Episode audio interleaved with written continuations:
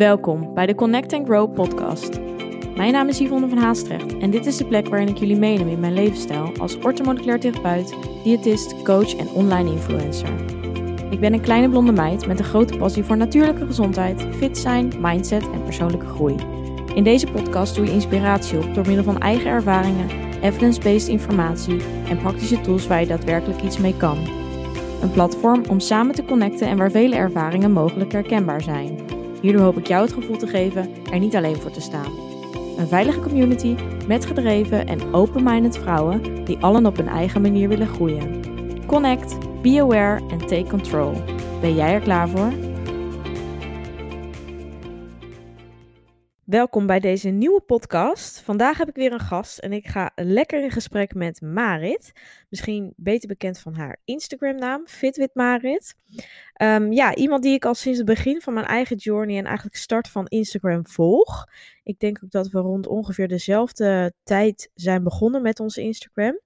En ja, Marit straalt naar mijn mening superveel positiviteit uit. Heeft echt een enorm kleurrijk en vrolijk kanaal. Staat ook bekend om haar lekkere recepten.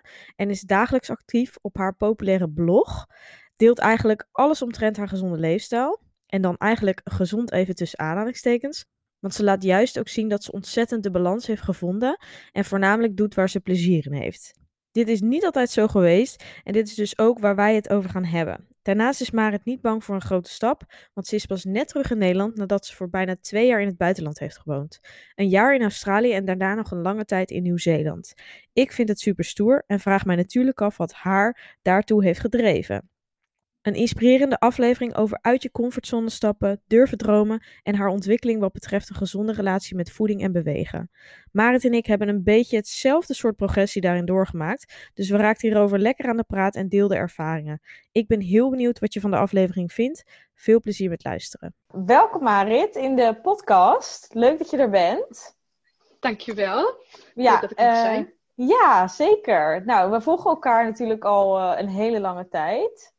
En ja, ik denk, ja, wij kennen elkaar, tenminste, ik ken jou van Fit Dutchies. Ik zat er dus over na te denken van, ja, hoe kennen wij elkaar? Ja, wij zijn denk ik ook wel een beetje rond dezelfde tijd gestart met Instagram.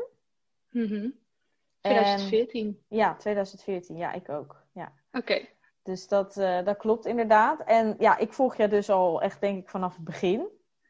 En uh, wat ik voornamelijk altijd, jou, als je jouw pagina opkomt, dan ziet het er gewoon heel kleurrijk en vrolijk. En ik weet niet, het ziet er altijd heel, uh, ja, gewoon mooi uit, gelikt uit. Uh, daar kan ik nog wat van leren.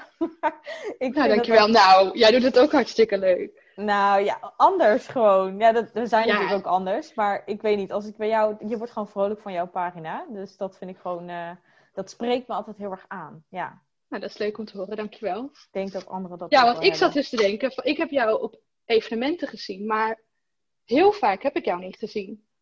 In de zin dat je me dan wel zag of niet sprak, bedoel je? Ja, nee, ik bedoel, op evenementen heb ik jou een paar keer gezien. Maar de laatste jaren heb ik jou niet meer in het echt gezien. Nee, helemaal niet. Nee, nee. Nee, maar wij, ik denk, wij worden ook niet heel vaak voor dezelfde dingen uitgenodigd of zo. Denk nee, ik. sowieso ben ik echt al jaren niet op evenementen geweest. ja, ik ook wel minder. Nou, en nu is het helemaal niet. Dus dan niet zie je elkaar sowieso ja. niet in het echt. Nee paar waar ik het een beetje met jou over wilde hebben. Jij bent natuurlijk nog niet zo lang terug uit Nederland. Uh, nee. Je hebt een hele mooie reis gemaakt. In Nederland. Ja. ja, je hebt een hele mooie reis gemaakt. Was het altijd al een droom van jou om ja, zo lang weg te gaan? En eigenlijk dus een soort van je leven eventjes heel ergens anders te creëren? Nou, eigenlijk niet. Het was niet een hele droom van mij om dat te gaan doen. Het is uh, ik denk 2,5 jaar geleden een beetje gestart. We zijn twee jaar geleden dan vertrokken. Ja. 2,5 jaar geleden zocht ik twee vrienden op in Azië, alleen. Terwijl ik had wel een relatie, maar hij had het, hij had het gedoe met zijn werk. En ik weet nog dat ik hun opzocht en dat ik dacht, nou, dit kan ik echt niet zo lang van huis, zou ik echt niet willen. Terwijl ik was wel eerder op reis geweest, wel eens drie maanden al in Australië geweest, maar niet om echt een jaar lang weg te zijn. En toen kwam ik terug en toen hadden we beide, mijn vriend en ik, beide een beetje gedoe met werk. En toen zaten we in een cafeetje, weet ik nog, en we zeiden echt, wat doen we hier nog? Waarom gaan wij niet weg? Terwijl het nooit echt ter sprake was geweest. Nee. En toen nou ja, als je dat ineens uitspreekt en bedenkt, dan zie je jezelf al helemaal niet meer in Nederland over een jaar bijvoorbeeld. Dan denk je, ja nee, we moeten hier echt even uit, we moeten hier echt even weg. En toen, um, nou, het idee was er en dan is de uitvoering natuurlijk een beetje het lastigst. Dus we begonnen het wel wat tegen familie en vrienden te zeggen dat het het plan was. Maar ja, ja zoveel mensen zeggen het. je, het is maar soms even doen is iets anders, ja. Ja, precies. Dus uiteindelijk hadden we tickets geboekt denk twee, drie maanden voor tijd. En toen werd het pas echt dat we gingen. Maar goed, we wisten nog steeds niet wat we gingen doen. We hadden dan besloten dat we naar een. Um, nou ja, dat het ons leuk leek om een jaar lang ergens in het buitenland te wonen en te werken. Dus echt even een leven opbouwen ergens anders. En uh, we wilden dat in een, in een land doen waar je mocht werken, waar je een werkvisum kon krijgen, waar, je, waar ze Engels spraken. Dus niet dat we ineens Spaans moesten leren. En um, waar het mooi weer was. En het liefst op 12 uur vliegen van, uh, van onze ouders van Nederland. Nou, dat is dus niet gelukt. Um, ik was al een paar keer in Australië geweest. En uh, mijn vriend was daar eerst niet zo enthousiast over. Maar ineens zeiden, ja, laten we naar Australië gaan. Dus um, toen was het plan om dan naar Australië te vertrekken in november. Gewoon enkele tickets, maar ja, vanaf dan weet je het niet. We gingen eerst reizen, maar vanaf dan weet je weet ook niet uh, hoe dat gaat bevallen. Dus vlak voordat we weggingen, zei ik eigenlijk tegen al onze vrienden en familie van, nou, we kunnen ook over twee, drie maanden dan weer terugkomen hoor. Want ja, je weet niet hoe het gaat bevallen. Het leek me zo spannend om je leven ergens op te bouwen en om zo ver weg van iedereen te zitten. Um, dus ja, we gingen er ook een beetje in als ja, alles kan gebeuren en alles is ook goed. We, we zeiden wel onze huur hebben we opgezegd. Ja, dat wou ik zeggen. Dat moest natuurlijk wel, ja. Ja, ja, dus al onze spullen ondergebracht. Dus je neemt wel echt een beslissing. Maar we hadden zoiets van, als het niet goed voelt, dan vliegen we zo weer terug, weet je. Dus, uh, dus zo met die insteek zijn we een beetje gegaan. En toen, uh, twee jaar geleden, dus vertrokken. En uh, uiteindelijk bijna twee jaar weg geweest. Ja, wauw. Maar wat zei, die, wat zei de omgeving, zeg maar? Van, ja, was het een beetje dat het helemaal uit het niets kwam? Of was het wel van, oh oké, dat vind ik wel wat voor Marit. Die gaat wel gewoon of zo? Ja, ja, het was wel wat voor mij. Maar ik ben ook wel een flinke huismuts. En ik was me best wel aan het settelen. En we woonden gewoon al drie jaar samen daar. Een heel leuk plekje in Groningen. Dus het was ook alweer een flinke stap die we namen. En het was, nou ja, het was nooit echt een droom geweest. En sommige mensen waren ook wel sceptisch. Van ja, wat ga je dan doen? Dan vlieg je naar de andere kant van de wereld. En daar wil je het leven opbouwen wat je hier hebt. Wil je vrienden maken? Wil je werk gaan zoeken? En ja, dat, dat heb je hier toch allemaal al. Waarom moet dat dan zo ver weg? Straks zit je daar ook gewoon op de bank. En dan denk je, nou dit is mijn leven. Ja, ja. Je hebt het alleen een soort van opgepakt en ergens anders naartoe verplaatst. Ja, ja verder, ver van iedereen vandaan. En dan zonder mensen om je heen, ja. Ja, zonder de mensen die, je, die je echt kent. En uh, nou ja, goed, dus dat was, ja, het was, het was oké. We gaven ze de tijd om aan te wennen. En, uh, en ja, we zeiden ook van, jullie kunnen altijd langskomen, hè? ja, Als jullie ons echt zo missen. Ja. Maar goed, dat was iets te ver ja, hoe is dat gegaan? Want dan, dan kom je daar.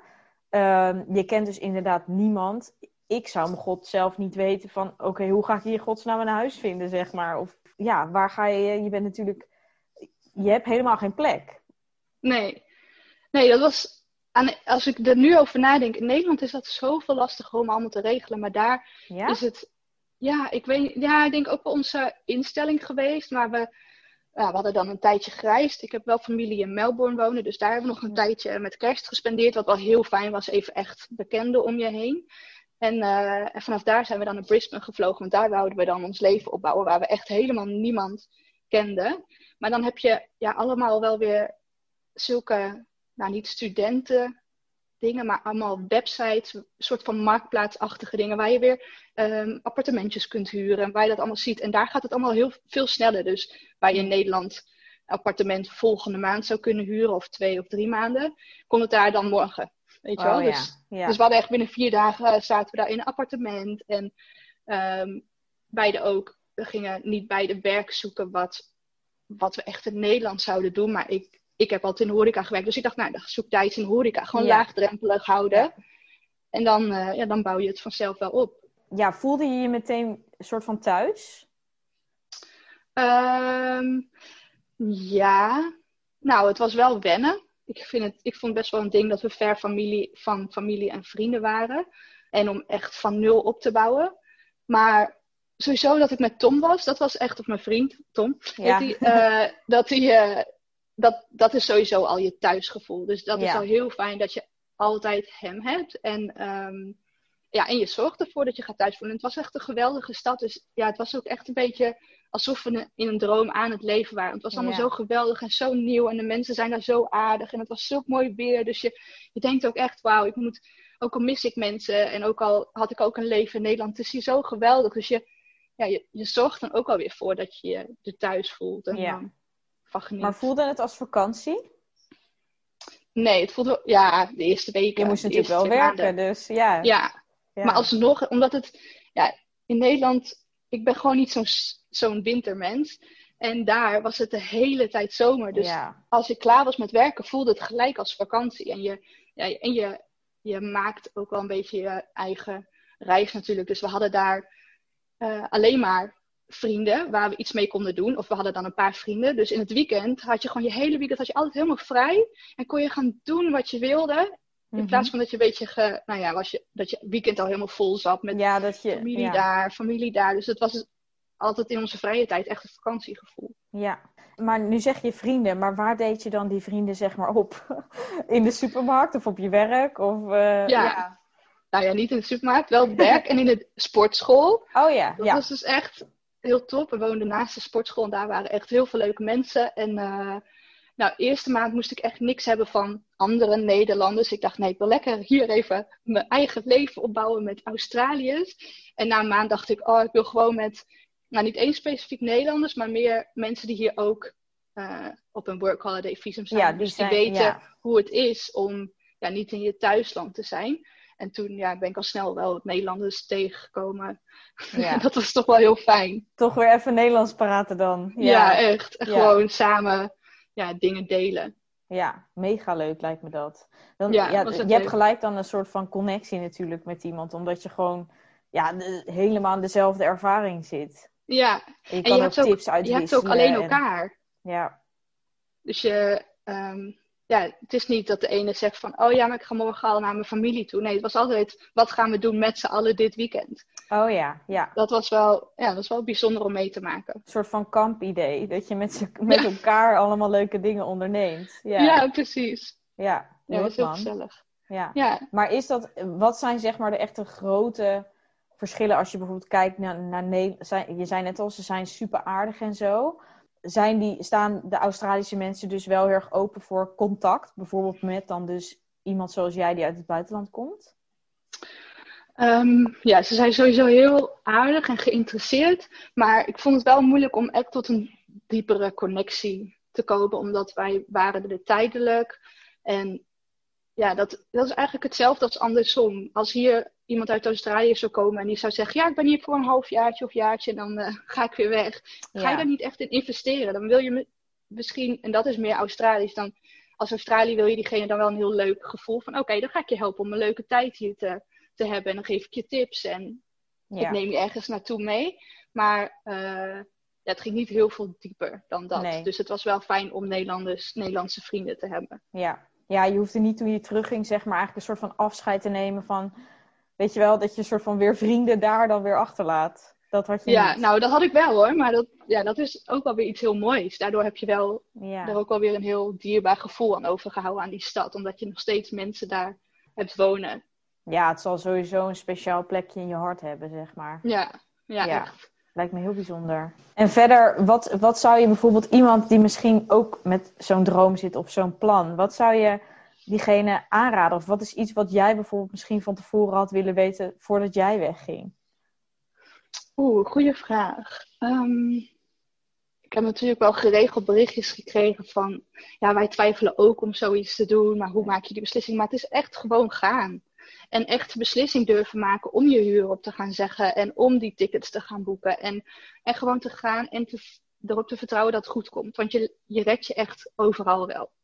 Ja, je bent en, ook samen. en tijd geven. Ja, Ja. nou ja, ja. En jij dan? Want zou jij zoiets kunnen doen?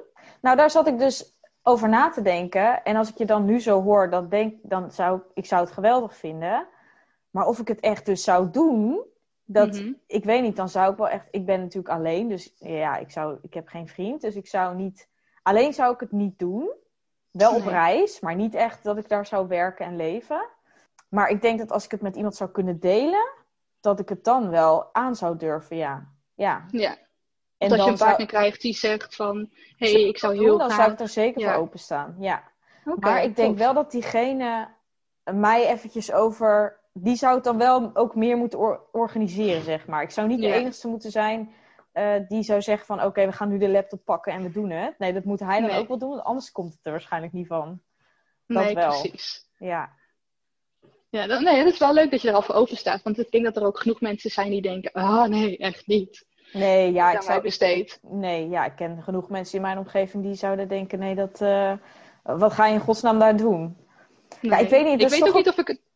Nee, Zeg zeg maar. nou ja, het is ook wel. Ik vind het wel een beetje een. Kijk, je ontwikkelt natuurlijk ontzettend. En ik weet niet, je leert er gewoon Ja. van. En ik vind het ook gewoon een beetje. Het is ook wel een beetje een bucketlist dingetje. Ik denk dat je Ja, dat ook je- wel ervaart als je lang op reis gaat. En dat heb ik ook nog nooit Ja. echt langer dan een maand gedaan. Dus dan heb je misschien ook al een hele andere ervaring. Maar wat jij hebt gedaan is nog wel eventjes natuurlijk next level om ook je huis en zo op te geven. Ja. Ja, nou weet je, je waardeert ook echt het leven weer in Nederland daarna nog meer. Wat ik al zei, ik was al best wel een huis, dus ik vond het heerlijk om thuis te zijn. En nu vind ik het dan ook zo lekker dat we ons eigen plekje weer hebben en dat we ons leven echt weer kunnen oppakken. En ik weet niet of ik het, ik zou het volgend jaar niet weer doen, weer twee jaar op reis. Nee. Ik denk dat ik nu, ja, ik vind het ook wel gewoon fijn om dan te settelen. Maar ja, je waardeert alles zo erg en dicht bij je familie zijn en dicht bij vrienden zijn en Nederlanders om je heen. En Ja. Ja, het doet je ja, meer beseffen. Ja, denk ik. Ja, Ja, dat is wel iets moois. dingen die je soms als normaal bent gaan zien, die, eh, die waardeer je nu nog ja. meer. ja, dat je dus wel bij mensen langs kan en dat soort dingen. Ja. Ja. Ja, wel iets moois. Maar zou je, want je zegt ik zou het niet per se nog een keer doen. Het is dus niet dat je nu kriebels hebt gekregen en denkt van, ja, misschien als ik, eh, ik weet niet, half de dertig ben of zo, dat ik dan denk van, nou, hè, misschien, ik weet niet of je kinderen wilt, maar ik zou bijvoorbeeld met mijn kinderen ook zo'n ervaring willen hebben of zo, dat hun dat meekrijgen. Zou je dat nu meegeven aan andere mensen? Mm, ja, zo'n ervaring meegeven aan anderen. Ja, of dat je nu zou zeggen tegen mij van, nou, Yvonne, ik zou dat dus echt doen, weet je wel? Nou, ik, mm, ik denk dat je dat ook gewoon moet voelen. En dat je ja, daar echt wel, een- nou niet per se een droom voor moet hebben, maar dat je ja, op een bepaald... Ik had het ook nooit gedacht drie jaar geleden. Nee. Maar nu ineens kwam het dan op mijn pad en voelde het goed om te gaan. Ja, Maar, ehm, maar goed, ik zeg ook nooit, nooit hoor dat ik niet meer ga. nee. En het lijkt me nog steeds heel tof. Maar weer wat jij zei, het lijkt me leuk om dan twee maanden ergens heen te gaan of één maand. En dan gewoon volop te genieten van reizen. Want het is natuurlijk ook wel weer heel anders als je je huis opzegt en je eh, echt ergens moet gaan werken. Dat is, ja, dat is Ja. anders dan dat je leuk een maand of twee ergens heen gaat. Ja. ja, dus meer gewoon als jij voelt, daarvoor open staat, dan zal je misschien wel voelen wanneer je daar klaar voor zou zijn. Ja, Ja, Ja, en, en als je kinderen hebt, dat betekent niet dat je dan niet meer kunt gaan. Er zijn er zoveel stellen tegengekomen die met hun jonge kindjes aan het reizen waren. En echt, nou ja, ook best wel veel mensen die geëmigreerd waren daar. ja, En ja, dat, dat, dat vind ik echt wel knap hoor. Dat lijkt me nog wel, eh, nog wel een grotere stap. ja. Maar ehm, ja, ik zou je zeker niet laten tegenhouden als je het gewoon heel graag wil. Dan Ja. eh, moet je zeker kiezen voor je eigen geluk en gewoon gaan. En als het, Ja. niet, als het niet leuk is, ga je weer terug. Maar bij jou was dus wel, was het dus echt de grootste reden dat je nu dacht van, oké, dit is nu een goed moment? Of wa- was het wat iets anders wat je in, qua geluk of eh, happiness, zeg maar, hier in Nederland miste? Mm, Want je zei nee, dan, oké, was werk echt- was allebei eventjes eh, wat niet helemaal lekker liep. Ja, nee, ja, dat was het. Dus het was echt van of we gaan nu allebei weer nieuw werk starten en, en hier verder ons leven opbouwen. Of we gaan nu juist even een jaartje ertussenuit. En een hele andere uitdaging, een hele nieuwe, ehm, zeg je dat? Nieuwe vibes, nieuwe ja, ontwikkelingen, nieuwe leerprocessen. Ja, het was echt, het was niet eens per se dat, ik, dat we niet blij waren in Nederland. Maar zodra we de stap hadden gemaakt om te gaan, toen was het wel van oké, ja, nu moeten we ook echt gaan voor Ja. onze happiness. Dus Ja, mooi. ja, dus ja. Heb je gemerkt dat bijvoorbeeld je relatie of zo daar anders is van geworden? Want je bent natuurlijk heel erg op elkaar aangewezen, zeker daar. Omdat je aan het begin helemaal heb je, heb je alleen elkaar. Mhm. Zijn er dingen Ja, waar je tegenaan sterker. liep? Ja. Nee, eigenlijk echt veel sterker geworden. Ehm geen weet gekke nog dingen. meer wat je je aan leert- elkaar hebt, ja, zeg maar. Ja. Ja, en ik heb hem nog beter leren kennen. En, eh, ja, het is ook wel grappig. Hij had ook nooit echt gedacht dat hij zo lang kon reizen. Maar hij was helemaal, eh, zeg je dat? Verliefd erop. Hij, is helemaal, hij vond het helemaal geweldig Ja. om zo te reizen en de wereld te ontdekken. Maar eh, ja, nee, dat is echt, echt veel sterker geworden. Jullie zijn al best wel een tijd bij elkaar, toch?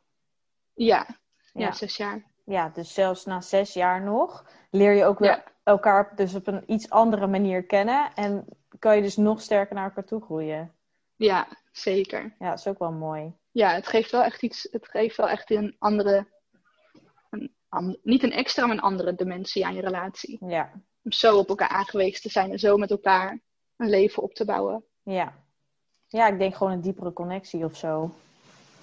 En je Ja. hebt ook weer alleen samen dat meegemaakt. Dus Precies, dat is zo mooi. Je hebt nu echt heel veel herinneringen samen. En nou, we denken er elke dag wel even aan terug. Of in ieder geval praten we er wel even over. ja, Ja, ja, je bent natuurlijk zeker, omdat je misschien nu ook wel weer een soort van vergelijkt met hier. Dat je een soort van heel snel terugvalt. Ja, in Australië dit of dat. Of weet je wel? Ja, ja, dat, denk, dat kan ik ja wel echt, je hebt voorstellen. heel veel dingetjes. Ja, Ja, dat is wel leuk. Ja. Maar het, eh, het, het, gewoon de gezonde leefstijl, die heb je volgens mij gewoon daar doorgezet natuurlijk. Ja, Bijvoorbeeld het sporten of zo, was dat... Vind jij het lastig om een soort van... Want jij vroeg net van, nou, zou jij het doen? Ik heb er altijd soms best wel moeite mee om een soort van uit mijn ja, routine gehaald te worden, weet je wel? Uit mijn veilige space, ja. ja. Vond jij dat lastig? Dat je Nou, dan weer een andere sportschool inkomt en dan, ja, weer daar een soort minder van... lastig dan ik dacht eigenlijk. Hm. Terwijl ik zou zeggen dat ik dat heel moeilijk zou vinden. Daarom keek ik, of vond ik het ook gewoon heel spannend om te gaan. Omdat ik dacht, ik vind het gewoon heel moeilijk om echt ja, uit mijn routine dingetjes te komen. Ja, Maar het is ergens ook wel weer heel leuk om je, om je routine ergens anders in op te bouwen. ja, Weer even helemaal nieuw. En juist heerlijk in zo'n sportschool dat je gewoon nieuw bent en niemand kent. En ja. Ehm, ja, gewoon even anoniem. Ja, je eigen ding kan doen zonder dat iemand denkt van, hé, daar staat Marit weer of zo? Ja. ja. Ja. Je leeft echt even je eigen leven en niemand die er zich mee bemoeit. En je kunt lekker je eigen routines ontwikkelen. ja. Dat vond ik juist fijn. Vond je het dus misschien daar wel veel lekkerder nu? Had je veel meer een soort van vrijheidsidee om daar te sporten dan dat je misschien hier hebt? Omdat hier mensen Nou, het kennen en een oordeel hebben of dat je daar misschien... Nou, ik weet niet of jij dat ook hebt, maar het is zo fijn als je soms even uit je routine komt. En ik kan best wel eens, soms ben ik heel erg bezig met hardlopen. En ineens, nou, vandaag ben ik dan weer eh, voor het eerst dit van een sportschool. En dan ben ik weer helemaal gemotiveerd om krachttraining te doen. Ja, Nou ja, en dat had ik daar ook. Daar ging ik naar een sportschool en, en heb ik voor het eerst bijvoorbeeld boksen gedaan. En daardoor was ik weer helemaal op een ander gebied gemotiveerd om daar ehm, te bewegen. ja, Dus ja, je creëert een soort nieuwe routine. Ja. Wat, ja, wat ik eigenlijk wel heel lekker vind. Ik moet mijn routine soms ook even veranderen. ja, dat geeft weer even een nieuwe boost. Ja, Dat herken ik inderdaad wel heel erg, ja. Maar je hebt wel eens ehm, in het verleden ook wel eh gestruggeld hè, met balans gewoon überhaupt en met voeding en met bewegen. Wat was voor jou, denk je, de aanleiding dat je daar moeite mee had? Of, of dat je daarop gefixeerd raakte eigenlijk? Als ik het goed zeg hoor. Als ik het verkeerd Mhm. zeg, dan moet je het zeggen. Ja nee, ik heb... eh, Nou, ik zag trouwens jouw verhaal voorbij komen. En eh, ik, weet dat natuurlijk ook wel een beetje. Maar ik zag het Ja, afgelopen week dan heel gedetailleerd. Toen dacht ik echt, wow, dit is bijna hetzelfde verhaal, ook qua jaartallen. Maar oh, ehm, ja. ja, ook, eh, ja, ik heb altijd veel geschaatst. En jij dus geturnd, zag ik. ja, ja, Maar ik schaatste dus altijd veel. En dat was niet per se op heel hoog niveau, maar wel wedstrijdniveau. Dus wel, ja, ik nam Ja. het zelf wel serieus. En toen ehm, ben ik, ja, ik denk dat ik toen een seizoen even wat minder deed. Het was zomerseizoen en toen ben ik heel veel aangekomen. Nou, ik was echt van het leven aan het genieten, dat wel. Maar ik kwam gewoon heel veel aan. En toen, na die, na die zomer, ging ik ehm, eh, op mezelf wonen. En toen dacht ik, oké, ik moet weer even wat gezonder. En, eh, en toen ging ik ook weer veel schaatsen. Dus het werd ook allemaal wel wat gezonder. Maar deed je En- dat gezonder omdat je dunner wilde zijn? Of gewoon voor van ik moet wat betere Nou, keuzes maken? Nou, ik was nooit heel erg bezig met mijn lichaam, maar ik wist wel een beetje het gewicht wat ik normaal had. Wat Ja. mijn beetje stabiele gewicht was. En daar was ik ineens 10 kilo boven. Ja. En dat was ik niet gewend. En ik dacht, dat, dat wil ik er gewoon weer af op een gezonde... Nou ja, gezond. Ik wist toen nog niet heel erg Nee, wat gezond je was. dacht misschien Als ik daar aan gezond. terugdenk. Ja, Ja. echt tortellini Ja. met tomatensaus uit blik. En dacht ik, oh ja, dat zijn mijn groenten. Ja. Echt grappig. Maar, ehm, dus toen, toen was ik gewoon best wel eh, oké aan het afvallen. Gewoon eh, rustig aan en wat meer bewegen. En eh, ik denk dat ik, nou, twee, drie jaar later, gewoon wat dingen, wat, dat het, ja, een paar dingen die even te veel werden. Waardoor ik heel erg de controle ineens ergens op ging zoeken. Ja. En waardoor ik ja, gewoon wilde afvallen. En had ik een getal in mijn hoofd. Dacht ik, ja, dat getal. Als ik dat ben, dan, dan ben ik gelukkig. En dan voel ik me goed. En eh, dus ik ging me heel erg fixeren op het getal op de weegschaal. En ik had heel, ja, gewoon dat controlegevoel. Dus heel veel bewegen vooral, was het. Ja. Ehm, ja, echt compensatiegedrag. ja, en, eh, en dat getal wat ik in mijn hoofd had, werd steeds lager en steeds lager. En Ja. ik denk dat ik niet eens echt keek naar wat ik in de spiegel zag. Maar meer gewoon het getal, de weegschaal, die moest omlaag. En dat was mijn, mijn houvast, mijn controle ding. In een, Ja. in een nou ja, tijd waar je gewoon wat andere dingen meemaakt. En dan... eh, dus, dus ja, toen, dat ging gewoon ja, heel laag met dat. En, Ja. eh, Ja, en je verlaagde het dus steeds. Dus je Ja. was dan op een gegeven moment, had je misschien iets bereikt en dan was het weer, "Nou, dit is ook nog niet goed genoeg. nee, Eh, het moet nog lager. Ja. ja. Maar zag je die verandering in die, eh, in die periode, zeg maar? Zag jij wel... Nou, in het spiegelbeeld spiegel niet echt. Nee, ja. Nee. Het was echt Dat, hè? gewoon een baas in mijn hoofd. Gewoon Ja. het getal op de weegschaal, die moet omlaag. En eh, gewoon zoveel mogelijk voor bewegen. En weet ik veel, met honger naar bed gaan. Nou ja, en dat... eh, toen kreeg ik op een gegeven moment veel opmerkingen van... Of een aantal opmerkingen van familie en vrienden die zeiden... Ik schrik van je, je bent gewoon afgevallen. Ik was eh, een maand naar Afrika geweest voor vrijwilligerswerk. En in die maand eh, nou, ging het helemaal eh bergafwaarts met mijn gewicht. Ik vond het een goed Oh. moment om nog meer af te vallen. En toen kwam ik terug en toen zeiden mensen echt van ja, ik schrik echt van je. Ja, dan hadden ze je ook een maand niet gezien. Dus dan is het verschil Ja. vaak groter. Ja. Mhm. ja. Dus toen, nou ja, dat doet je natuurlijk eerst niet zoveel. Maar op een gegeven moment denk ik dat ik mezelf toch ben gaan zien in de spiegel. En ik dacht, jeetje, wow, er is gewoon weinig van mij over. En mijn energie is ook gewoon weg. Ik Ja. ben ook gewoon niet meer dezelfde. Ik, ik zeg sociale dingen af. Ik moet alleen maar bewegen. Ik eh, wil alleen maar lager. Dat getal wil ik alleen maar lager zien. En mijn energie is gewoon weg. En toen eh, ja, ben ik daar wel, is daar wel een beetje een knop omgegaan. Dat ik dacht, ja, dat wil ik helemaal niet. Ik wil gewoon me fit voelen en eh, mijn energie terug. En Ja. normaal doen. Normaal Ja. bewegen.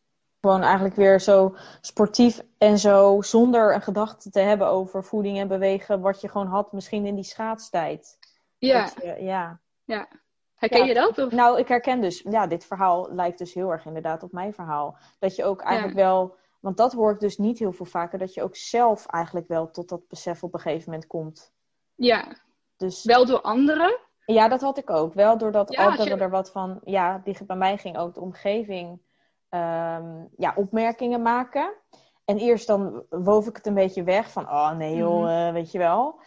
Ehm, en ik, ja, ik had dan wel een soort van, nu terugdenkend, had ik bijvoorbeeld, moest ik, had ik echt een riem die ik gewoon helemaal zo aansnoerde om mijn broeken, zeg maar, omhoog te houden. En, maar daarbij had ik nooit het besef van, oké, dus er is dus zoveel af of zo. Dat, Mhm. dat kwam gewoon niet in mijn hoofd. Dat heb ik pas later, dat ik terugdacht, dat ik dacht van, ja, maar ik deed altijd die riem zo strak Ja. aantrekken, zeg maar, weet je wel. Zes gaatjes eh bij wijze van eh, meer naar voren. Ehm, En wie maar- durfde dan bij jou opmerkingen te geven? Want dat lijkt me echt heel moeilijk voor de omgeving. Ik heb het zelf nog nooit echt meegemaakt, volgens mij, dat ik dat bij iemand moest doen. Maar dat, dat lijkt me best wel moeilijk. Ja, dat lijkt me ook mega moeilijk. Ik, ik ken wel via via, zeg maar, bijvoorbeeld ook iemand die ik dan nu, zeg maar, eh, wat ik denk van, oeh, dat gaat niet helemaal de goede kant op. Ik weet niet zo goed hoe ik dat moet brengen, weet je wel. Dat vind ik Mhm. heel moeilijk. Maar bij mij, eh, sorry, wat zou je zeggen? Ja, wat, wie deed dat bij jou? Ja, nou, eh, ik had wel één vriendin, die had een soort van, dat was dan nog op de middelbare school.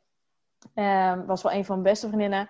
Daar zat ik dan ook vaak naast in de klas. En die had wel het idee dat ik ja, gewoon dus minder uh, praatte. Dus die zei vaak van, is er wat? Of voel je je niet lekker? Of is er wat aan de hand? En dan zat ik maar, nee, nee. Wat, uh, hè? Ik dacht een beetje van, wat zeur je nou de hele tijd over mij, weet je wel? Want ik wilde alleen maar een soort van met rust gelaten worden. Dat ik dacht, oh, niet te veel aandacht op mij. Want dan kan ik een beetje mijn ding blijven doen natuurlijk. Ja. Dus um, ja, zij zei op een gegeven moment... En dan gaf ze mij ook op een gegeven moment af en toe een sultana of zo. Dan zei ze van, hier, neem maar. Volgens mij, uh, weet je wel. En dan, ze vond dat ik wel... Ze zag wel dat ik veel minder at. En, en, en dat op een gegeven moment ging ze daar dan ook wat vragen over stellen en zo. Dus dat deed mij wel een beetje... Tenminste, ik voelde me een beetje betrapt door haar. En dat zette me dus denk ik wel een beetje aan het denken. Uh, mijn ouders of zo hebben er eigenlijk nooit wat van gezegd. Uh, dat ik nu wel eens denk, ja, gek eigenlijk. Want het kan niet dat ze het niet gezien hebben. Maar ik denk dat ze ook Ja, maar gewoon... je kan als ouders zijnde ook gewoon niet het goede zeggen, denk ik. Nee, ik denk dat ze absoluut niet wisten. Ik heb het ook nooit heb, zo direct... Ze weten nu al dat dat niet gezond was. En daar, dat is ook Ja. gewoon duidelijk. Maar ik heb, we hebben nooit echt over gehad of uitgesproken van... eh, hè, waarom zei je eigenlijk niks? Maar ik denk dat ze dat heel, gewoon heel moeilijk vonden. Ik denk dat mijn moeder bijvoorbeeld echt niet wist hoe, wat ze moest doen. En Nee. Ik denk wat ook heel erg meespeelde is dat mijn moeder vroeger ook veel zwaarder was. En dus ook aan het afvallen was. En daar zelf ook heel blij mee was. En ze weet ook dat ik me dus niet lekker, lekker voelde met die wat kilo's meer. Dus ik denk dat Mhm. ze ook zoiets had van... Ja, ik zie dat ze wel veel blijer wordt met zichzelf. Dus ja, in dat opzicht vond ze dat... Gunde ze me dat zeg maar ook wel weer. Dus Ja. Alleen ging ik gewoon er iets te ver in door. Dus aan het begin liet ze me heel erg gewoon mijn ding doen. Van ja, ga jij maar lekker sporten als je dat wil. Uh, maar ja, dat werd natuurlijk steeds vaker. En qua voeding werd het steeds minder. Dus dan, Ja. ja. En dan. En ik denk zij... dat je het echt onbewust heel vaak wegwijft. Dat er best wel wat opmerkingen komen. En dat je ze gewoon altijd. Oh Ja. nee, maar je ziet me toch eten. Je ziet me Ja. toch. Ik Ja. zou vanochtend sporten, heb ik toch niet gedaan. Dus dat is toch. Nou, precies. En zeker ook bij, kijk, overdag konden ze mijn voeding natuurlijk ook niet echt controleren, want dan waren ze er niet bij. En s'avonds had ik dan wel dat ik altijd wel gewoon mee at. Dus dan deed ik Mhm. ook niet daar moeilijk over of zo. Dus ja, dan, ja, dan valt het denk ik ook al wat minder op en dan zien hun mij ook gewoon eten. Dus ze denken ook niet van, hé, hey, daar gaat wat mis of zo. Of ik, ik eet maar eh, de helft van mijn bord als wat ik normaal at. Dus Ja. ik deed dan wel een soort van mijn bord meer volleggen met groentes en dan een klein beetje koolhydraten, weet je wel, dat deed ik dan wel. Dat waren een soort van Ja. trucjes wel om eh, een soort van calorieën dan te besparen. Maar eh, ja, ik, het het is een lastige situatie, lijkt me super moeilijk. Ja, Ja, ik weet ook nog wel dat ik dan terugkwam van een, eh, een weekje Groningen. En dan ging ik in het weekend bijvoorbeeld naar mijn ouders toe. ja. En dan zeiden, we, zeiden ze van, oh, dan gaan we even een patatje halen. Nou, patat halen? Ja. Waarom precies vanavond? Waarom Ja. kunnen we niet gewoon gezond eten? Jullie weten dat ik door de week zeg Groningen, bla bla bla. En, ja. nou, En zij dachten, gezellig, Marit komt thuis, laten we een patatje halen. Ja, Ja, doe eens normaal. Hè. Dat soort dingen. Ja, daardoor gingen zij wel eh, nadenken van, eh, dat is niet gezond hoe zij daarop reageert. maar dat, dat zeiden zij wel tegen jou? Of, of... Nou, ik denk dat ze daardoor wel in de gaten kregen. Dat en, en ze zagen het ook wel aan me dat het gewoon, eh, ja, dat ik steeds lichter werd. En ehm, zo heftig op zulke dingen reageerde. Ja. ja, dat had ik ook wel. Daar, weet je, daar word je jezelf ook wel iets bewuster van. Maar je bent ook, ja, hoe oud was ik? 20, 21. En ben je zo, ben je zo met jezelf bezig? Ja, ik was... Weet je niet zoveel wat de omgeving van je vindt. Nee, ik was ja, 17, 18, nog net iets jonger ook, ja. Ja, Ja, ja, het is, ja, ja, ik denk dat uiteindelijk bij mij het meeste hielp dat, ehm, nou, ik kwam wel steeds, inderdaad, bij mij uiteindelijk het keerpunt was ook echt de energie. Dat ik dacht van, Mhm.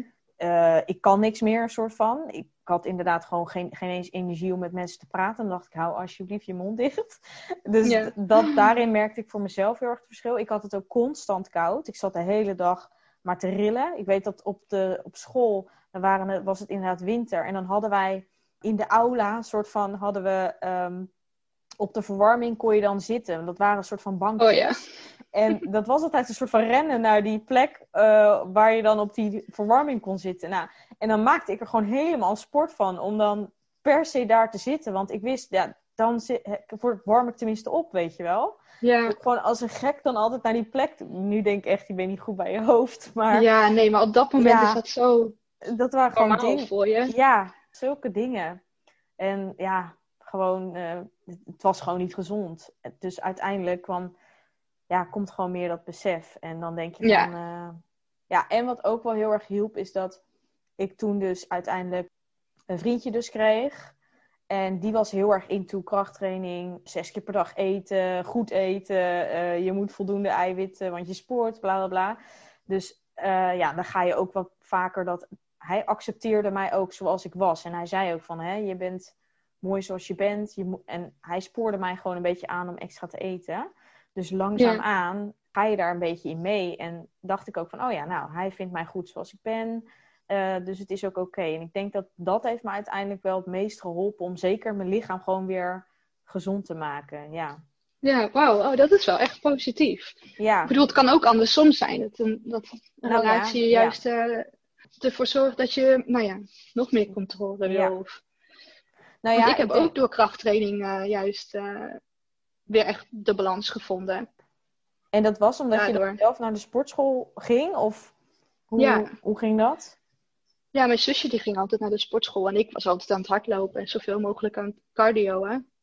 Ja. En eh, zij ging naar de sportschool, dus ben ik een keer met haar meegegaan. En toen ik daar kwam, dacht ik echt, ja, wauw. En nou ja, je kan niet van, van elke dag sporten naar nul keer sporten per week. Dus ik verlegde een beetje mijn, eh, mijn vorm van beweging. En toen, toen ging ik ineens helemaal zien dat het vet mooi is als je een beetje aankomt en spieren krijgt. En Ja.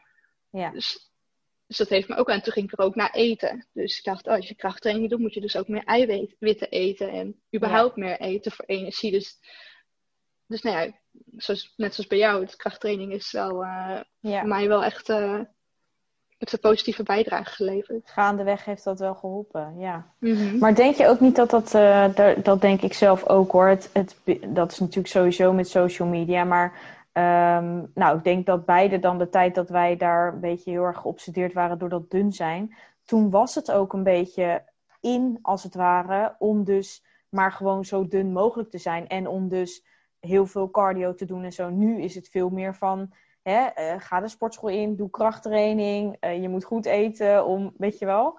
En nu Ja. zijn er natuurlijk nog steeds eetproblemen. En zitten nog steeds heel veel mensen die daarmee struggelen. Want ook dat kan weer natuurlijk een obsessie worden. Maar ik denk wel dat... ehm, ja, het was toen ook gewoon de, een beetje de maatstaaf of zo. Dus dat wilde je dan ook... Tenminste, als ik over mezelf spreek. Ik wilde ook zo dun zijn als die catwalk modellen. eh, hè, Victoria's Secret dun, eh, zo. ja, ik dacht, Ja. want dat is mooi, weet je wel. Ja, ik heb het juist wel andersom gehad. Ik heb juist toen ik begon met Instagram, was dat krachttraining wel echt een ding. Dikke billen, buikspieren. Oh, ja. Dus dat werd toen mijn schoonheidsideaal meer. Ja, wat voor mij dus positief na. was, want daardoor wilde ik wel aankomen. ja. En na een paar jaar dacht ik, ja, daar word je ook niet gelukkig van om per se buikspieren te hebben. En het gaat gewoon om de hele balans en doen Ja. wat je leuk vindt natuurlijk. Maar ja, Ja. ik, denk, ja dat, ik kwam juist op het punt op Instagram dat, eh, dat iedereen voor mijn gevoel, hè, mijn, mijn Instagram-bubbel, die deed veel aan krachttraining. Dus daar ja. leerde ik dan weer van. Ja. Nou, ik denk dat jij in dat opzicht misschien ook wel iets eerder de balans dan hebt gevonden. Ik Mhm. kan echt pas zeggen, want bij mij was inderdaad eerst dan dat dun zijn. Nou, toen werd ik een beetje, ja, eh, kwam ik inderdaad meer aan in gewicht. Ging ik dus starten met krachttraining. En toen in die krachttraining werd ik weer obsessief met dus die krachttraining. En eigenlijk denk ik nog steeds te weinig voeding, weet je wel. Dus ik had nog steeds het gevoel dat ik was super. Er was bij mij gewoon echt een onderliggende angst om weer te worden zoals ik daarvoor was, met juist iets meer gewicht. En dat zat Ja. constant maar in mijn hoofd. Dat ik dacht: oké, nu sport ik wel zes keer per week en ik eet wel gewoon. Hè, ik ben niet meer zo dun als dat ik eerst was. Maar ik durf ook niet meer te gaan eten, want dan word ik misschien wel weer nog dikker, weet je wel. Dus daarmee was ik continu een soort van in strijd. En omdat ook heel erg dat zes keer per week eh, sporten dan een soort van hielp om mij dus op dat gewicht te houden, had ik ook de hele tijd het idee dat ik dat moest blijven doen om zo te Om blijven. dat gewicht. Ja, Ja. ja. Dus dat En wanneer- echt lang. Ja, wanneer, Wanneer dat- denk je dat je, ja, wanneer de, is die knop alsnog Mm. omgegaan? Dat je dacht, wel, ik hoef helemaal niet zes keer te bewegen om. Nou, ik denk dat dat pas was in nou, ik heb in 2018 een soort van. Nou, eigenlijk was het in 2017 uh, kreeg ik de ziekte van Lyme. Dus toen uh, voelde ik me eigenlijk ook al. Ja, toen voelde ik me eigenlijk ook al een hele tijd heel slecht. Maar ik relateerde dat de hele tijd aan van... oké, ik ben gewoon druk. Ik was met het opstarten van mijn eigen bedrijf bezig. Ik heb stress. Ik sport veel. Ik vraag gewoon veel van mijn lichaam. Dus daarom voel ik me slecht. Dus ik heb daar heel lang mee rondgelopen. Nou, toen werd dat bekend. En toen gingen al die mensen tegen mij zeggen: ja, jij moet gewoon veel minder sporten, want het is veel te, het is veel, een te grote aanslag op je immuunsysteem. En toen, toen ging ik pas echt nadenken dat ik dacht: oh ja, als ik dit misschien wel wil uh, verhelpen en me beter wil voelen, dan moet ik dat misschien maar gaan doen. En toen heb ik heel eigenwijs ben ik nog een soort van coaching traject aangegaan. Um, want ik merkte ook al dat het me op een gegeven moment, het kostte me zoveel energie om weer iedere dag te sporten ik, daarvoor in al die jaren kostte me het echt nul moeite, want ik vond het gewoon heel leuk. En nu liep mhm. ik gewoon een beetje vast en ik merkte dat ik niet meer vooruit gaan boekte. En daardoor, ik, ik kon mezelf, ik moest mezelf echt, ik ging wel, maar ik moest mezelf echt naartoe slepen. En toen dacht ik van ja, dit, dit hoort gewoon niet. Ik moet weer even een doel hebben. Dus toen dacht ik, nou, ik ga een coaching traject doen. Dan heb ik weer eventjes een soort van uitdaging. En dan heb ik iemand waarbij ik me moet verantwoorden. En toen zei ik altijd, en toen gaven ze mij ook van, nou, zes keer per week krachttraining. En toen had ik al, voelde ik al aan mijn lijf van, ik wil dat helemaal niet eigenlijk. Maar ja, toch maar doen. En nou, zij zagen dus ook dat er gewoon geen verschil kwam bij mij in, in, in hè, het gewicht of, of de progressie die ik maakte. Toen had ik een beetje zoiets van, ja, dit is nou waar ik al de hele tijd tegenaan loop. Dat had ik zelf ook wel geweten. Um, Toen ging ik steeds meer lezen en zelf onderzoek doen. En werd het een soort van mijn passie om te kijken van wat gaat er hier mis? En toen kwam ik dus heel veel te weten over van, nou, hè, het metabolisme. En je moet juist ook uh, goed eten om je metabolisme op gang te houden. En anders uh, ga je, raak je hormonen uit balans en bla bla bla. Dus toen ben ik me daar helemaal in gaan verdiepen. En ondertussen had ik ook mijn eigen opleiding en zo natuurlijk gedaan. En ja. toen, ben ik, um, ja, toen dacht ik gewoon op een gegeven moment van... oké, laat ik gewoon maar eens naar vier keer per week sporten gaan... in plaats van zes keer per week. En zo is dat eigenlijk uh, ja, langzaam weer een soort van. Dan merkte ik van hé, hey, mijn lichaam blijft eigenlijk hetzelfde. Dus vier keer per week is ook voldoende. Nou, en toen merkte ik ook de, de variatie in gewoon überhaupt van, oh, ook een keertje hardlopen. En dan een keertje, nu doe ik bijvoorbeeld ook boksen. En toen ja. ik meer yoga doen, waardoor ik weer meer, minder stress ervaarde. Dat helpt me heel erg om te ontspannen. Dus zo, mhm. ja, gewoon, gewoon meer het, het los durven laten van bepaalde patronen die vroeger misschien wel wel voor mij werkte en die ik toen wel heel leuk vond. Dat heeft dus wel heel lang geduurd, maar uiteindelijk denk ik nu twee jaar dat ik wel durf te zeggen van ja, nu, uh, nu raak ik ook niet meer in paniek als ik een training moet overslaan, weet je wel? Nee, en je luistert naar je lichaam. En je... Ja, als ik nu denk... Maar het is best wel een stap.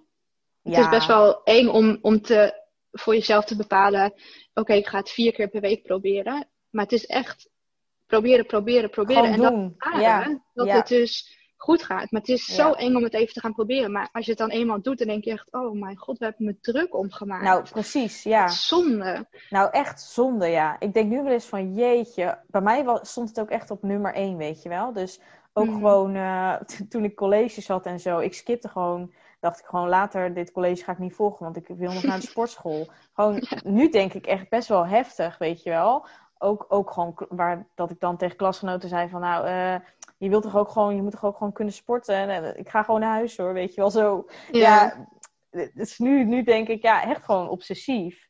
Eh, maar dat, dat loslaten is inderdaad het allerengste. Maar ja, gewoon doen. Want wat is het allerergste wat kan gebeuren, weet je wel? Dat moet je. Echt, echt afvragen. Ja. Ja, en weet je, alles wat, wat je dan weer gaandeweg leert, dat brengt je ook alweer tot hier. Ik bedoel, nu weet jij, je kent je lichaam zo goed nu en je durft er nu veel meer naar te luisteren. En ja, je, je, hebt, je hebt heel veel geleerd. Ja. Ja, zeker, maar zo zie ik het ook wel hoor. Kijk, het is wel eens dat ik inderdaad denk van, oh, wat een tijd heb ik daaraan besteed. dat wel. Maar goed, aan de andere kant, ik heb het ook, ja, het, het, had ook gewoon zo moeten gaan voor mij, denk ik. Ja, ja je bent nu gewoon ervaringsdeskundige en je helpt anderen. Ja, ja dat ook. Nou, het dus helpt me sowieso inderdaad natuurlijk inderdaad in mijn werk. Dus dat is... Uh... Ja, ja, ik weet precies wat er in die mensen hun hoofd, zeg maar, hè, wat jij ook zegt, die bepaalde gedachten of hoe je bepaalde ehm, situaties, hoe je eronder uitkomt. Dus ik weet precies eh, hoe dat gaat, maar ook gewoon het onbegrepen gevoel en dus het gevoel van dun willen zijn en dat soort Mhm. dingen. Ja, ik ken En de het van alle controle kanten. durven loslaten. Ja, ja. Doodheen. Ja, dat dat niet zomaar iets is wat, wat je op een dag bedenkt en wakker wordt en denkt van, oh ja, nu ga ik het even anders doen. Nee, dat, dat kan niet, weet je wel. Nee. Ja, en het is ook moeilijk, want het is ook gewoon gezond om te bewegen. En je- kan ook niet ineens stoppen met helemaal bewegen. Nee, Maar het, is, ja, het kost gewoon tijd om daar een balans in te vinden. En, en nou ja, ik denk dat jij dat ook wel doet. Maar echt gewoon doen waar, waar je plezier uit haalt. Ja. Dus nee, ik zag dat je dan ook bokste en zo. Dat zijn dingen. ja. Kan je dan zo weer zo'n boost geven? ja, even veranderen, dat is het echt. En Ja. even weer ervaren dat er meer is dan misschien Mhm. alleen dat wereldje waar jij in zit. Dat Ja. is het ook, ja. Ik heb, wel, ik heb ook wel eens En- mensen... Ja? nou ja, en je wordt ook ouder. Dus ja, Ja, ik kijk sowieso. echt weinig nog naar mijn lichaam. Als in wat ik zou willen veranderen of iets. Of ja, geen idee of ik een kilo aankom of zo. Ik denk Oh, altijd dat vind ik wel knap. vind ik het prima. Ja? Oh, dat, dat hoor je niet veel hoor. En zo, Nee, dat heb ik al jaren niet op de weegschaal gestaan. Geen idee. Hm. Nou, dat heb ik nu dus ook al heel lang niet gedaan. Maar dat komt eigenlijk omdat ik zeg maar uit huis ging en geen weegschaal heb gekocht. En toen ook dacht een Mhm. beetje van nou, tijd om er eh, ook niet meer op te staan. Dus dat heb ik nu Nee. dus bijna een jaar niet gedaan. Oh ja. Daarvoor deed ik dat dus we- wel nog eens eens in de zoveel tijd. Nou, als er een weegschaal staat, dus ik heb dan bijvoorbeeld bij mijn ouders, eh, waar we dan eh, toen we terugkwamen naar de reis, dat je daar staat, dan denk je, oh, ik wil wel gewoon even kijken, wie weet, weet je wel. Ja, dacht ik, nee, ik wil me daar gewoon echt niet meer door laten beïnvloeden. Dus als je het niet hebt, is het ook veel makkelijker. Dan ja, ja, ben je er niet mee bezig, maar zodra je een weegschaal Ja. ziet staan, dan wordt er wel even, dan, dan denk je even nieuwsgierig. ja. Maar dat is grappig, want kijk wat jij nu zegt. Jij zegt, wie weet, weet je wel. Ja, je hangt een soort van, je hoopt dus blijkbaar op een bepaald cijfer. Van, Ja. Zou het minder zijn na de Ja. vakantie, weet je wel? Of na, na je reis? Dat, dat is eigenlijk gek natuurlijk. En ik, Ja, want Ja. stel je voor, want ik dacht, stel je voor, ik ben twee kilo aangekomen. Wat doet het dan met me? Dan denk ik toch van, oh, oh ik dacht dat ik toch best wel veel had bewogen. En dat ik eh, ja, nou, gezond had gegeten. Waar zal het dan in zitten? Terwijl ergens boeit me echt niet dat ik Nee. twee kilo ben aangekomen. Wat maakt het uit? nee, Vooral omdat ik het dus niet merk of zie. Nee, je zag nee, het ook niet. maar toch is dat Ja. je controle van, oh, maar dus dan heb ik, ja, ben ik aangekomen. Dus Ja, moet ik toch misschien beter ik best gaan doen. ja, Ja, het niet is, echt, opstaan. het is echt stom. Ja, niet opstaan. Nee, dat zeg ik ook altijd. Ik heb ook zoveel natuurlijk mensen in de trajecten bij mij die eh, dan zeggen... Ja, maar Yvonne, wa- wanneer moet ik dan eigenlijk wegen en hoe vaak? En dan zeg ik nou, Mm. niet. Dus je hoeft niet te wegen. Dat vinden ze dan zo nee. En, dat, En ik denk dat sommige mensen, want ik heb best wel veel vriendinnen die zeggen van, oh, ik sta er elke dag even op. En die, die hangen daar niet een label aan. van, oh, nee. Ja, die, het is echt een gewoonte. Die komen uit bed, die gaan altijd even staan. En soms dan eh, zeggen ze van, nou ja, zie ik even een kilo zwaarder. Dan denk ik, ja, klopt. Ik heb dit weekend even chips gegeten en heel veel gedronken. Nou ja, ga ik weer even wat gezonder eten. Die zien het heel anders. Terwijl, Ja, die laten ja niet dat de ligt hele denk ik dag... ook een beetje aan je persoonlijkheid natuurlijk. Hè? Ja, Ik bedoel, het feit dat, nou, wij hebben dan een beetje hetzelfde meegemaakt, maar dat, dat, Mhm. dat komt natuurlijk ook wel door bepaalde eigenschappen die je hebt. En Ja. misschien een beetje perfectionistisch, een beetje die controle vasthouden. Ja, dat soort Ja. dingetjes, dat, dat hoort er wel bij, ja. ja, zeker. Dus niet iedereen hoeft daar inderdaad gevoelig voor te zijn. Nee, het is echt, eh, echt je verleden daarmee. En je, je controle, wat je zegt, perfectionistisch. Ja. Ergens goed in zijn. Ja, ook. Een beetje waarderen. Maar dat is ook wel. Kijk, jij hebt natuurlijk ook wel dus veel gesport. Ik denk dat het deels ook een beetje. Kijk, ik heb al heel vanaf heel klein, eigenlijk vanaf dat ik zes was, een beetje die sportmentaliteit eh, meegekregen. En dat heb ik dus ook wel een beetje in me zitten. Maar ik zie ook overal wel altijd een soort van uitdaging in. Dus dat werd op een gegeven moment. Ja, daar wilde ik ook de beste in zijn. En dat was ook, weet Mhm. je wel. Ja, dat zou jij misschien ook wel herkennen. Ja. Ja, echt de controle erop krijgen. Ja. Nou, ik denk dat er wel veel mensen zijn. Ja, hoe lang zijn wij Ja, nog? ik zit te kijken. ja, bijna een uur, denk ik. Ja. ja, maar als je dit luistert en je struggelt hiermee, ja, ik, weet je, vertrouw sowieso op, je, op het proces en eh, waar je ook bent en staat. Probeer gewoon te luisteren inderdaad naar je lichaam. Dat is het allerbelangrijkste.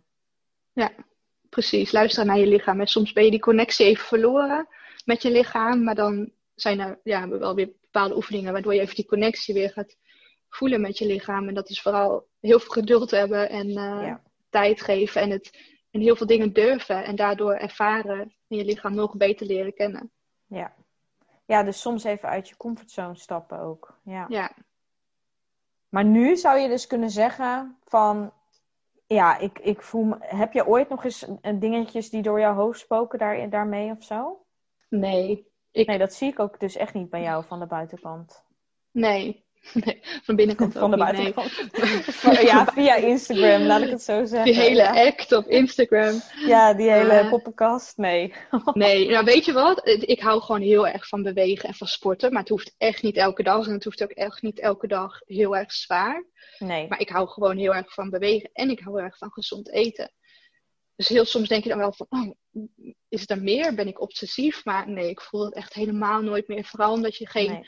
eh, angstig gevoel krijgt als iets niet door kan gaan. Of ehm, als, je, als je ineens besluit eh, pizza te gaan halen of zo. Dan krijg ik niet, eh, geen paniekreactie. Dus dan, ja, Ja, nou fijn toch? Hartstikke fijn. Ja. ja, nee, het is echt fijn om die balans ja. te hebben. En natuurlijk, het kost tijd. En ja, maar goed, het is ja, belangrijk dat, wat je zegt, luisteren naar je lichaam. Mooi gezegd ook. ja, dat, maar dat is het. Ik denk dat dat vinden mensen natuurlijk het allermoeilijkste. En dat is ook het allermoeilijkste. Maar ik denk uiteindelijk, als je precies wat je zegt, het de tijd geven, dan komt het vanzelf. En genieten van het proces. Dat las ik vanochtend nog in de sportschool. Oh ja, nou dat Niet is alleen zeker. eh, altijd richting je doel of, of nou ja, kijken naar het einde. Alleen maar het gewoon eindpunt. Genieten onderweg. Ja. Ja, Ja. elk Ja. stapje is er één. Ja, en dus het, wat jij zegt, jij houdt van sporten of in ieder geval bewegen. Dat is natuurlijk eh, heel fijn en ook dat je van gezond en lekker eten houdt. Maar dat, helpt dat helpt natuurlijk wel heel erg mee. Maar daarom is het, ga dus op zoek naar het ding wat jij dus lekker vindt en wat jij leuk vindt qua beweging. Want Mm. Dat dan hou je het hoor, want- vol. Ja, want heel veel mensen denken dat ze moeten hardlopen en krachttraining moeten gaan doen. Ja. Als je dat niet leuk vindt, wat sommige mensen die, die halen gewoon geen plezier uit. En dat je dat dan moet van jezelf. Oké, morgen moet ik weer vijf kilometer gaan lopen. En je kijkt er zo tegenop, je hebt er geen zin in. Er zijn echt wel dingen die je wel leuk vindt. Ja. Maar je maakt je ook niet blij met volleyballen of tennis. Basketbal. Laat mij ja. maar lekker juist hardlopen. Ik vind dat heerlijk. Ja. En, en ook met eten. Er zijn genoeg dingen die ik niet eet, die gezond zijn, maar die, die ik gewoon niet lekker vind. Ja, Precies waarom zou ik mezelf daarmee Ja. kwellen om dat te moeten gaan eten? Ja, ja. ja, dat heb ik ook altijd. Dat mensen zeggen, ja, maar ik zie jou altijd, eh, altijd die gezonde dingen. En jij lust ook alles. Dan zeg ik, nou, helemaal niet. Maar ik kies wel gewoon uit wat ik lekker vind, weet je wel. Ja, Ja. precies. Het, het is maar net hoe je het invult. Ja, echt doen wat jij leuk en lekker vindt. En, eh, en daar vind je dan wel je manier in. En dan, ja, hoe zeg je dat? Hou je het niet vol? Wacht, Charlie, eh, Charlotte zei, zei daar iets heel moois over. Van, het is niet iets wat je vol moet houden, maar Oh, Eh, wat zei ze nou? dat moet je dan maar even in die andere podcast luisteren. Ja, vorige podcast, jongens. Met Charlotte. Ja. Nee, ik weet ook niet meer. Oh, daar kan ik nooit tegen. Volgens Nou ja, mij zei ze dat het over. Toen dacht ik echt, oh, dat is echt mooi gezegd. Nou, ik weet zeker dat heel veel mensen hier ook inspiratie uit gaan halen. Nou, Zou je nog, zou je nog iets ehm, de mensen willen meegeven of iets eh, willen delen? Kan natuurlijk ook, überhaupt. Hmm. Hoeft niet per se over dit onderwerp. Hè. Kan misschien ook een beetje zijn, want ja, je maakt niet voor niks zo'n grote stap als bijvoorbeeld die, die reis van, hè, ga je doel Ja. achterna? Of, ja, Nou, ik denk wel echt uit dit gesprek dat ik haal dat je soms echt uit je comfortzone moet stappen. En dat daar de beste dingen kunnen gebeuren. En zo niet, dan weet je dat ook weer. Maar je leert sowieso ja, van elke stap. Dus ook een nieuwe sport. Het is altijd spannend. Je bent de nieuwe bij bijvoorbeeld boksen. Ben je de nieuwste en je weet niet hoe je die bewegingen maakt. En iedereen kan het zo goed. Maar als je het een paar keer doet, oh, dan dat is onbeschrijfbaar toch? Dat ja dan dat heb je gelijk, ja, dan voel je je helemaal, ja, nee. Ja, en helemaal iets overwonnen heb je dan. En Ja. daar haal je zoveel kracht uit. En dat is, dat is bij alles wat je uit je comfortzone doet. Je haalt er sowieso kracht uit Ja. en je leert er sowieso van Ben ik helemaal met je eens. uit je comfortzone. Ja, uit je comfortzone, jongens. nee, maar ehm, ja, ik wil je hartstikke bedanken voor eh, het gesprek. Ik vond het superleuk en gezellig om even zo Ja. te kletsen. Jij ook? En ehm, nou, volg natuurlijk Marit sowieso ook op Instagram. Ik zal eventjes alle linkjes voor Marit, ook voor haar blog. Super, eh, nog steeds heel actief hè, op je blog ook. Mhm, Ja, Ja. dagelijks. Dagelijks dus actief op haar blog. Ik zal dus eventjes alle linkjes van Marit ook in de show notes zetten.